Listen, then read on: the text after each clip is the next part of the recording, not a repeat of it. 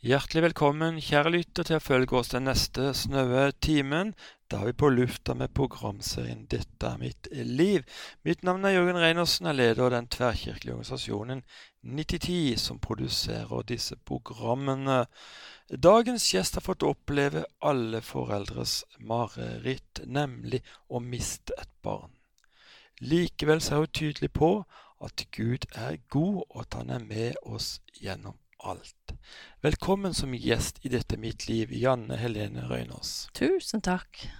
La oss starte helt ifra begynnelsen av ditt liv. Nå sitter vi i ditt hjem på Tellhaugane i Iveland kommune, litt nord for Kristiansand. Er det her du vokste opp? Nei, eh, jeg vokste egentlig opp eh, Gikk alle årene på skole i Søgne. Flytta til Vatnestrøm, og det var Ja, jeg var vel 17 år når jeg traff han som er min mann i dag.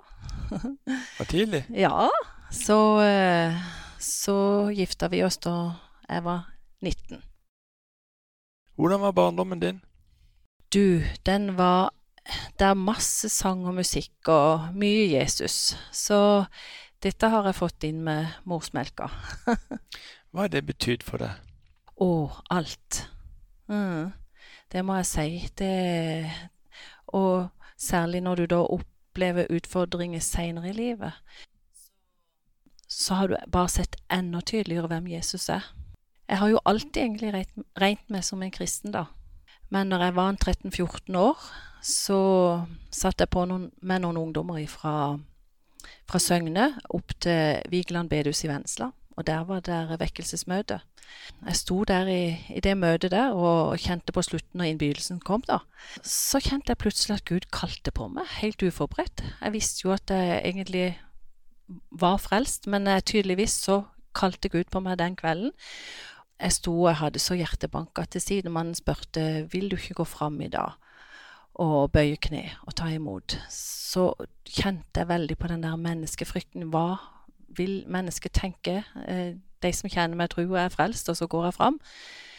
Så jeg var på vei ut og kom ut på trappa og måtte snu og gå inn igjen, for jeg kjente at det, dette kunne jeg ikke Denne anledningen kunne jeg ikke la gå fra meg. Så jeg gikk fram, og jeg bøyde bokstavelig kne og tok imot Jesus. Og når jeg kom hjem og fortalte det til mamma og pappa, da var det tårer og glede og jubel. Ah. Nydelig. Ja. Ble det en totalforvandling i etterkant, eller? Ja, du, det som skjedde, det var jo det at eh, Janne, som var så veldig sjenert og rødma og ikke turte å si noen ting, hun ble jo så glad. For det at det ble jo noe sprudlende liv på innsida. Så jeg ble jo så frimodig. Jeg begynte jo å fortelle når jeg kom på skolen, hva jeg hadde opplevd. Jeg måtte fortelle lærere. Og jeg sa til de i min klasse at dere må være med på møte, for nå skal de ha møte der òg. Så nå må dere være med ut og høre på de jeg, jeg har kjent Eller de som hadde forkynt et sånt et ord som gjorde at mitt liv ble forandra. At jeg skjønte at jeg, jeg var jo en fortapt syndere, for jeg hadde ikke Han kalte så sterkt på meg at ja, dette må du ikke oppleve, bare, liksom. Så det var det som skjedde, ja. Det ble veldig sprudlende inni hjertet. Kan du huske hvem som var forkynnere? Ja, det var Leif Solheim og de som var der nede. Ja. Mm, og Jarl Sundt. Sørdalstrioen var vel med der, og jeg husker mange av disse sangene de sang i innbydelsen. 'Kast deg i Frelserens armer'. Da begynte det å hamre godt i, inn i hjertet. Vi trenger vel fortsatt eh, dette budskapet? Ja, helt klart. Ja. Så ja. Det har jeg aldri angra på. Så nydelig. Mm. Du nevnte at du gifta deg tidlig, du var 19 Mm. år gammel, og etter hvert så kom det barn også. Mm. Ja. Og det som var så godt, jeg traff jo en kristen mann, som eh, det har òg vært godt. At vi har eh, hatt den troa å dele, da. Så ja da, så kom de tripp trapp, disse her eh, første barna da. Så eh, husker jeg da han eh, Når det var gått noen år, da, så husker jeg Bjørnar sa det. 'Mamma, kan da ikke få et barn til?' For han hadde så lyst på et, et lite søsken, da. Så eh, Så eh, jo. Så kom det to, to spontanabort etterpå det, da. Men til slutt så kom minstejenta, da. Cecilie, og da, da var det jubel. Ja, Mm. Kom fjerdemann. Men hvor, du nevner eh, spontanaborter. Mm. Hvordan håndterte du det? Eh, ja, eh, det kan du si. jeg husker den ene gangen, da måtte jeg jo ned på sykehuset og, og fjerne det, for det var dødt, da. Og da husker jeg la meg på operasjonsbordet, og så bare tårene bare trilla, så sa jeg, men Jesus, det er ditt. Så jeg får møte det igjen, dette barnet også. En veldig sorg å miste, om ikke du kommer, om det er to eller fire måneder, så har du begynt å glede deg til å få, få dette barnet. Veldig trist det, men, men så klarer han å henge det på den knaggen at eh, jeg får jo møte det igjen, da. Mm, Gud Ja. tar, tar hånd om det. Du fikk eh, fire levende barn, og eh, var du hjemmeværende på den tida, eller hadde du jobb? Ja, jeg var bare væ- hjemmeværende. Ja. Det var rikt for deg? Ja, veldig godt. Mm. Mm. En dag så fikk du beskjed om at din sønn eh, Bjørnar var blitt alvorlig syk. Eh, de trodde jo først at det var krystallsjuka. Så, men eh, vi skjønte når vi var innom legevakten og sånn og ble sendt videre ned til sykehuset da, for å gjøre litt mer undersøkelse da, så skjønte de at det her var noe som, som var galt da. Eh, smilet hans ble litt mer sånn skjevt, og, og det er klart det når du står der som mor og far da, eh, og får greie på at eh, barnet ditt, selv om han var jo egentlig voksen, men du, jo, du kan jo si barnet ditt, det er jo, det er jo, en, det er jo et sjokk at er som beina blir slått unna det, og all lufta bare går ut av det, altså. Det, men jeg husker jeg sto der i korridoren, og de kom og sa det at eh, vi har dessverre en veldig trist beskjed å gi dere, og det er det at eh, han har fått en kreft, kreft kreftsvulst som ligger på høyre side av hjernestammen. Og eh, det er egentlig ikke noe Vi kan ikke gjøre noen ting. Og eh, til og med da så kjente jeg det at eh, Ja. Jeg tenkte bare Jesus Alt var bare kaos, men Jesus, uansett så skal jeg nevne ditt navn i hver en situasjon.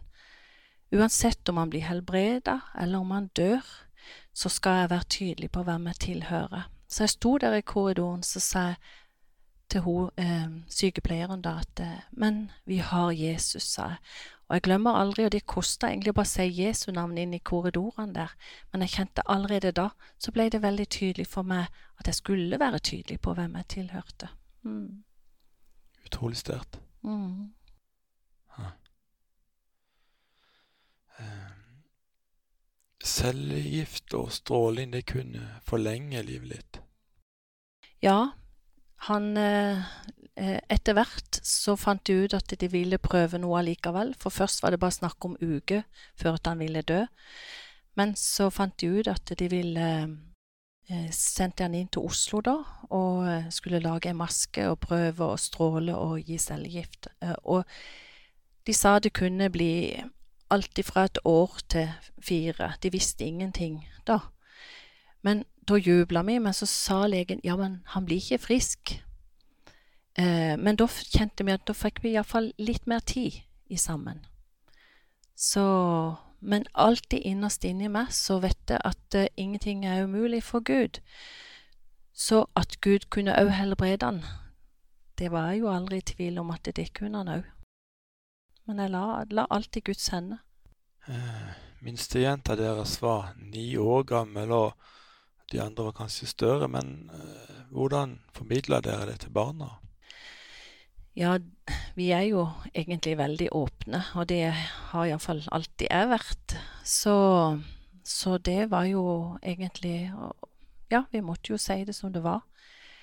Og jeg husker den ene kvelden når vi kom hjem her, da, og jeg gikk her og grein, men eh, huset var Dørene var åpne, så det kom kamerater av Bjørnar inn her. Og jeg gikk og serverte faktisk mat og kaffe og grein. Men det var en naturlig ting, for eh, jeg har alltid vært glad i ungdommen, da.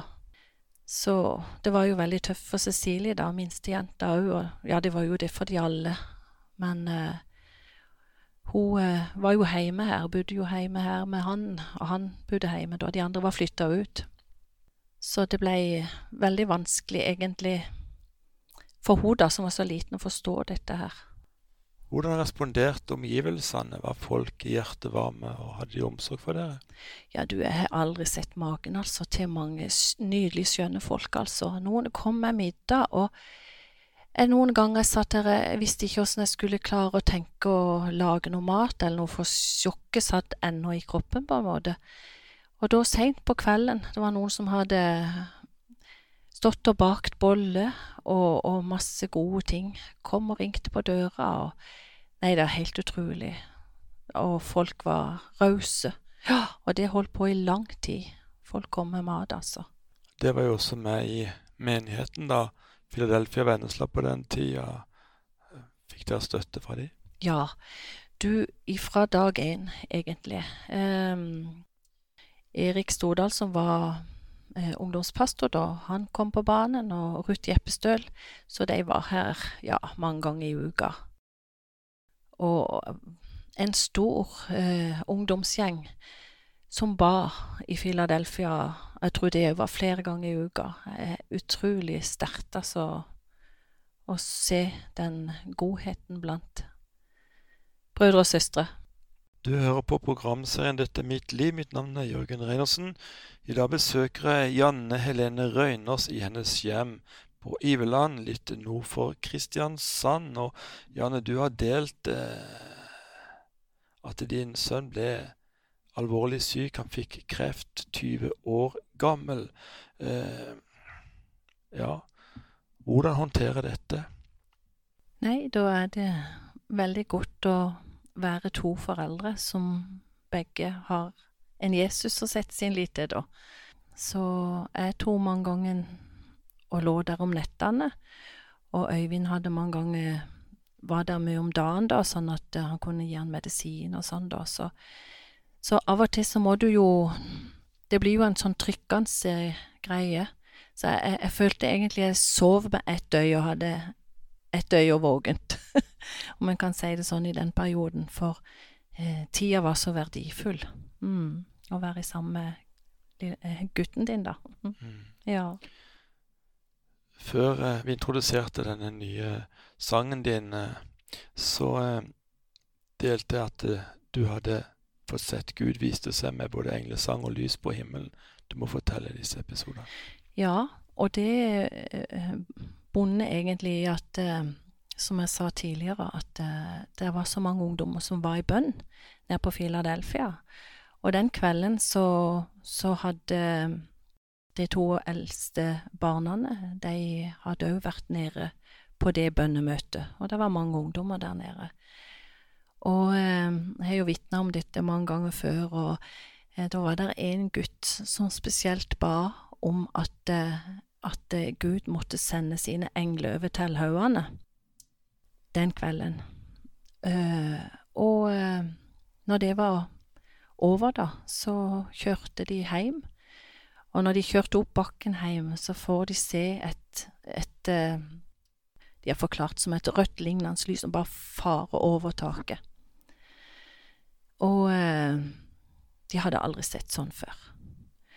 Og så kommer de inn, og så forteller dette her, og så tenker jeg ja, takk Gud, dette var denne, dette denne oppmuntringa vi trengte i dag, at det er alltid sånne ja, Gud, vis det. La meg kjenne at du er der. Eh, så vi satt inn på rommet hos Bjørnar da og takka Jesus for det at Gud, ja, du er sterkt til stede selv om det er en trøkkende situasjon, at det, det, er veldig leit, da. Men gleden ble det at viste, Gud viste seg så sterkt akkurat i det vanskeligste tida, da. Og vi satt der og og, og gleda oss bare over det lyset. Men så gikk eh, Cecilie, da hun minstejenta, hun gikk ut og satte seg her i stua, som vi sitter her nå, og eh, satt alene, hadde ikke på noe eh, musikk. Men hun plutselig hørte hun bare sang, og kikka ut de av vinduene. Skjønte ikke hva det var så høyt i hennes øre. Men hun skjønte det sjøl, jeg hadde jo aldri fortalt noe sånn noe, eh, at sånn noe kunne skje. Men hun skjønte at det var engler, englekor som sang så høyt for Bjørnar.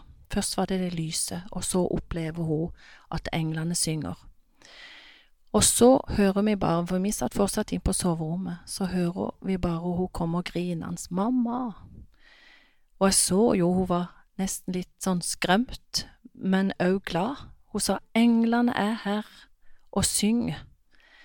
Og nei, du skulle aldri sette sånn et uttrykk i det lille barneansiktet, men hun visste bare at det, Så hun gikk inn til Bjørn og satte seg på sengekanten, og, og det var, de oa på en måte en sang, og det var så stort. Det var som å høre julekor, eller et kor Ja, stort kor. Mm. Så da sa, husker jeg Bjørne hadde sagt det til Cecilie, at eh, dette må du aldri la noen mennesker ta ifra deg. Mm, han skjønte at uh, hun hadde hørt det hun hadde hørt. Så nydelig. Vi må jo også bare introdusere for lytterne at i neste program så skal Cecilie sjøl ja. være gjest i dette programmet. Så ja. det blir spennende. Ja, ja, du, det, du, nevnte også et annet eh, eksempel med lys som kom inn på soverommet. Liksom. Mm, mm. Det var etter, eh, etter at Bjørnar døde. Så ja, jeg har jo mange tilfeller sjøl òg, men det ene tilfellet det var jo litt mer sånn Cecilie, da opplevde òg, som meg, at eh, kjære Gud, eh, gi meg det jeg trenger i dag, gi meg kanskje et tegn til at du, du er der for meg. Eh, og jeg husker spesielt eh, den ene kvelden når eh, Øyvind og Cecilie skulle kjøre hjem en gutt, da. Så hadde Cecilie så bedt inni seg, kjære Jesus, kan du ikke gi et lys på himmelen i kveld, bare sånn at jeg ser at du er der. Ja, og eh, på kvelden var ingen Hun sa ikke dette til noen av oss, eh, men på kvelden jeg skulle opp og be med henne, da, så rulla jeg ned sånn sorte, lystette rullegardiner, og så hadde døra litt på gløtt ut til loftstua. Så satte jeg meg på sengekanten der, og plutselig så blir kommer der inn lys, et sterkt lys. Det er egentlig akkurat som et lyn, men det sto stille eh, noen sekunder, og så forsvant det. Og så kikker jeg og Cecilie på hverandre, og så tenkte i all verden var det? Og jeg river opp, eller til opp rullegardinene for å se ut, og det var jo fint vær da. Eh, og så sier jeg til Silje, i all verden var dette? Så sier den lille jenta, men du mamma, jeg ba om et lys i kveld. Kan det være det? Så sier jeg ja, det er klart, det, det er det. Det er Jesus som har gitt det, det svaret med å sende det lyset. Mm. Det må ha vært veldig ordstyrkende for dere i denne håpløse situasjonen? Mm, veldig. Du kan si det midt oppi sorgen, så opplever du gleden i å kjenne en levende Gud. Det er altså Det kan ingen ta ifra meg. Det var helt fantastisk. Så det er veldig rart åssen det virker når du er oppe i sånn trengte situasjoner. Så, så jeg må jo bare si sjøl at eh, eh, hele mitt kristne liv, så, så, så, har jeg nok ikke gitt Gud eh, nok tid. For når du er inne i en sånn pressa situasjon, der du på en måte står ribba, det er ingen lege, det er ingen som kan hjelpe deg, egentlig, da står du igjen bare med Gud. Og jeg må si takk og lov at jeg har hatt en sånn en fantastisk trofast venn som Jesus. Ja, det må jeg si. Siste jula Bjørnar levde, så ble han bedre. Ja, det var jo det at uh, det funka sånn at den uh, kreft, uh, kreftsvulsten ble mindre. Men vi har jo skjønt i ettertid at han, det var en hissig type. Så jeg må jo bare fortelle litt. Jeg er så glad i disse ungdommene, vet du. Jeg husker det, han fikk en infeksjon, så vi, jeg, jeg ba veldig mye om at uh, Gud må la oss få lov å være hjemme mest mulig, og ikke på sykehuset. Ikke fordi at ikke folk var greie der, men uh, det er noe med det å være hjemme. Vi er, er nok litt hjemmekjær. mm. og, uh, men så fikk han en infeksjon, så han måtte ned på sykehuset. Og både jeg og Bjørnar lå og ba om at vi må komme hjem til jul. Så eh, jeg var hjemme på lille julaften og, gjorde litt i stand, og så var Øyvind der nede, og så bytta vi litt rundt, da. Men det som var så sterkt og så rørende En av kameratene til Bjørnar, vet du, han hadde vært Jeg hadde ikke fått kjøpt så mye julegave eller noe sånn. Gjort så veldig med forberedelse til jul. Men vet du noe, når jeg kom hjem her Han hadde kommet, han hadde kjøpt inn pakke til en av oss alle sammen der, og skrevet kort til hver enkelt. Så du snakker om, altså dette var en kamerat av Bjørnar, og det er sånn noe du aldri glemmer. Sånn hjerteskjønne menneske som er der når du trenger det som mest. da. Og vi ba, jeg var inne og tørka tårene mine på badet, jeg husker på sykehuset der, og tenkte jeg måtte skjule for Bjørnar, stakkar der, han lå jo sjuk, og jeg var inne og ba, kjære Gud, gi meg styrke, la oss få lov å komme hjem, eh, senk feberen sånn at vi kan få lov å reise hjem. Og det fikk vi. Så eh, da roa det seg, og feberen gikk ned, og vi fikk eh, reise hjem på julaften, da, så mm. Så du ser litt annerledes på ting og tang, og folk prater om vær og juleting og ting og tang, men når du liksom ser at du kanskje skal miste et av dine barn, så betyr hvert minutt og sekund altså i sammen. Var det en blanding av håp og fortvilelse dag for dag, eller? Ja, jeg ser eh, Jeg har skrevet litt notater ned i ei bok eh, som er Det er litt spesielt med den boka, da, fordi at jeg, eh, jeg hadde ikke sånn ei grei notatbok, så jeg begynte å skrive på noen blokker litt sånn forskjellig, og eh, det er jo veldig spesielt da med, med Erik Stordal, da. Han hadde han, Gud hadde sagt han at han skulle gå inn og kjøpe ei bok på bokhandelen, og han visste ikke noe om det at jeg trengte ei bok. Og der kom han en dag, han var oppe og besøkte Bjørnar og sa du, det er kanskje litt teit eller sånn, sa men her er ei, ei notatbok, så sier du tuller. Jeg jeg har ikke noen plasser så å få skrive ned alle disse tingene jeg kjenner inni meg og, og sånn, så så det var akkurat det jeg trengte. Det er veldig rart hvordan Gud kan sånne små detaljer, da. Men, eh, men jeg har skrevet ned en del sånn, for du kan si Jeg ser jeg har skrevet ned eh, Vi var på sykehus og fikk den vonde beskjeden.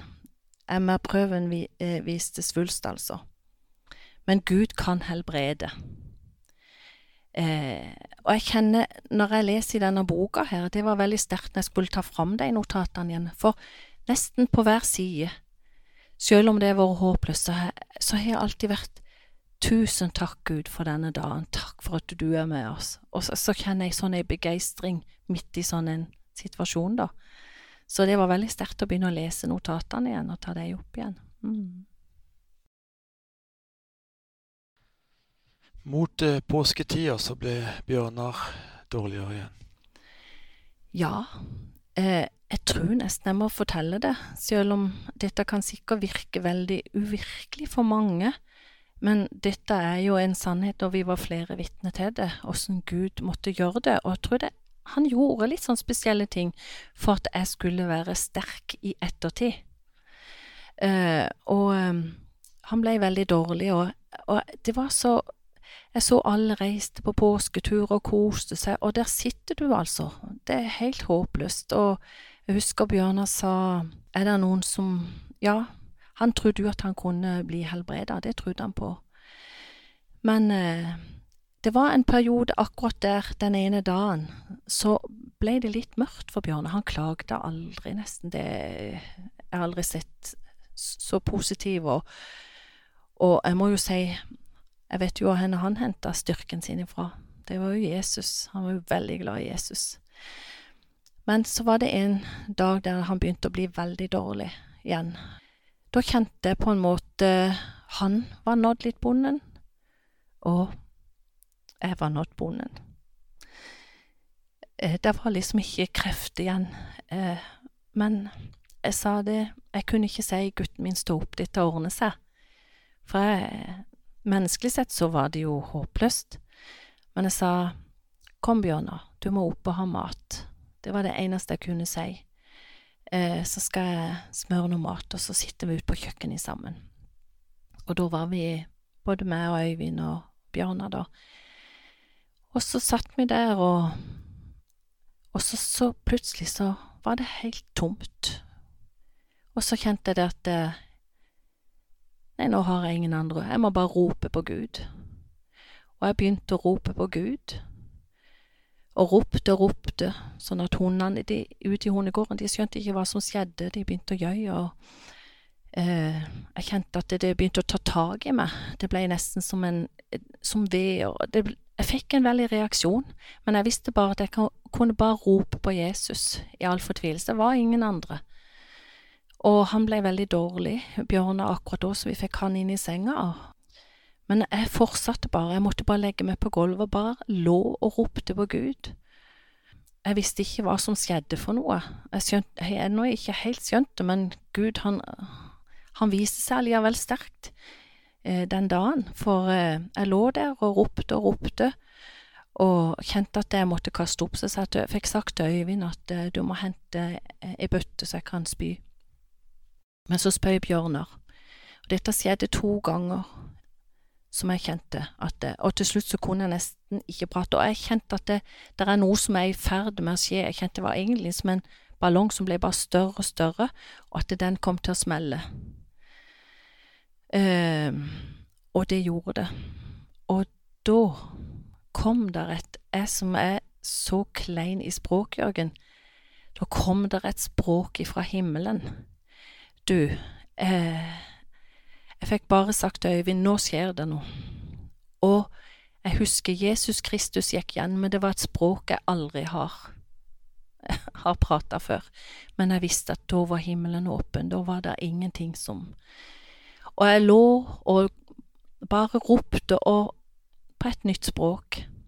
Og dette, alt dette varte i to timer. Så jeg hadde mest ikke stemme igjen, altså. Og jeg husker når eh, jeg krøp, kunne krype opp i senga igjen til Bjørnar, så sa han mamma, dette er det mest heavy jeg har opplevd. Mm. Spesielt. Mm. Nå forsto dere at livet til Bjørnar ville ta slutt? Eh, jeg ga egentlig aldri opp før jeg, jeg kunne se at kroppen eh, ble brutt ned dag for dag. Men jeg tenkte at det, dette er ditt Gud, men jeg har tillit til at, eh, at det kan skje en helbredelse. For Gud er jo Han kan jo gjøre alt. Men jeg, jeg, kjente det at min tillit, den er jo sann. Så jeg kunne aldri liksom Jeg kunne bare oppmuntre Bjørnar. Hold fast med helbredelsen og den Guden som kan helbrede òg. Mm. Helt til det ikke var mer liv igjen, da. Det er programserien 'Dette er mitt liv' du lytter på. I dag besøker jeg Jørgen Reinersen Janne Helene Røyners i hennes hjem på Iveland nord for Kristiansand. Og hun har delt veldig åpent om uh, Hun uh, fikk en sønn som var veldig syk. Og Janne, 2. juli 2011 tok Bjørnar sine siste pust. Mm. Hvordan var den dagen? Eh, ja Veldig rart um, å se på en måte Han lå jo her hjemme. Han døde jo hjemme her i senga. Ja. Så det er klart eh, Det er forferdelig trist når eh, du blir litt i sjokk igjen, på en måte. At eh, livet plutselig er over. Men så får du så, deg litt og tenke at livet er begynt over på andre sida. Så det er jo dette med å ta imot Jesus da, og ha evig liv, og det var vel egentlig det han var veldig tydelig på helt på slutten. Han, han ønska jo bare å formidle hvor viktig det var å ha livet sitt i orden, og ja, leve for Jesus, da. Mm. Så jeg kjente det at uh, når han lå der, så, så var det veldig rart, og, og, jeg tenkte at det, nå er du borte, nå er du reist føre, men mamma kommer etter. Mm. Når den tid kommer. Mm. Ofte er det slik at uh, de mest uh, grufulle og vonde opplevelser man har i løpet av livet, kan være til hjelp mm. for andre mennesker som mm. opplever noe lignende. Har du fått erfare det? Ja, veldig mange ganger. Og det er litt lettere å forstå når andre mennesker har det vondt. Når du sjøl har gått gjennom ting, da. Mm. Så hatt mange samtaler med mennesker som har opplevd noe av det samme. Så kan jeg oppmuntre og fortelle min vei, hvor Gud har vært trofast da, hver dag. Mm. Det må jo også sies at det er flere av disse ungdommene i miljøet der i Philadelphia, de Mm. tok imot Jesus som Mm. et resultat av at eh, Mm. rett og slett Bjørnar var syk, og Mm. etter at han gikk bort. Mm, ja da. Det var mange som fikk noe å tenke på. Mm. Så eh, jeg husker jo det eh, eh, dagen før begravelsen, da. Så husker jeg det at eh, Og det er jo sånn, det er ikke normal tenking når du er midt i en sånn sorgprosess, da. Eh, så tenkte jeg det at eh, mennesker som kommer inn i Philadelphia, de må få kjenne at Jesus er der. For han var veldig opptatt av det at det skulle ikke være en helt vanlig begravelse, men den skulle være Skulle kjenne Jesus, at han var der. Så jeg spurte Erik da, kan du få med deg noen ungdommer, og så går de ikke rundt og ber i lokalet, og ber for hver stol der, og der folk setter seg, at de kan få kjenne den Jesus som vi tror på, og han trodde på. Han var jo veldig tydelig på sin adresse, Bjørnar. Mm. Mm. Ja. Du fikk flere utfordringer med din helse etter Mm. Bjørnars bortgang. Kan du si litt om det? Ja, eh, det gikk vel kanskje et år, så fikk jeg en kronisk sykdom som heter ulcerøs kolitt. Eh, og det, det er klart, kroppen får jo kjørt seg. Altså om en Kanskje mange mennesker tenkte at eh, eh, ja, det ser ut som Janne klarer seg veldig greit, og det gjorde jeg egentlig. Eh, men kroppen, du kan ikke lyve for kroppen, de smertene du kjenner på, det å miste et barn. Mm. Men allikevel så stemmer det med det som står i Bibelen, at, eh, at vi sørger ikke som de som ikke har det håpet som vi har da, som er frelst da. Så eh, det er klart, det ble, det ble en del sykdom som kom inn av påkjenning av det en hadde vært gjennom da. Så ble det siden eh, eh, en slags leddgikt som kom ut ifra den sykdommen igjen, da. Så mye betennelse mm, i kroppen. Ja. Sitter og tenker på det. Det var jo Dere ba jo mye om helbredelse. Menigheten ba, og sikkert veldig mange Mm. andre mennesker rundt i lokalmiljøet her. Mm. Eh, Men han ble ikke helbreda. Ble dere bitre på Gud på noe punkt? Nei, aldri. Aldri. Hei. Eh, det må jeg bare si i forbindelse med òg eh, Jeg husker å lå og ba en kveld, og, og ba og sovna med tårer på kinn. Og eh, jeg ba faktisk om at eh, Gud, nå savner jeg så Bjørnar. Kan, oh, hadde jeg bare kunnet fått en klem til. Så det handler jo litt om den siste klemmen som vi hørte den sangen tidligere da. Og da husker jeg hadde sovna gråtende, men våkna akkurat i en drøm der han kom mot meg og ga meg en klem. Så sånn har Gud vært trofast hele tida med å ha gitt meg sånn.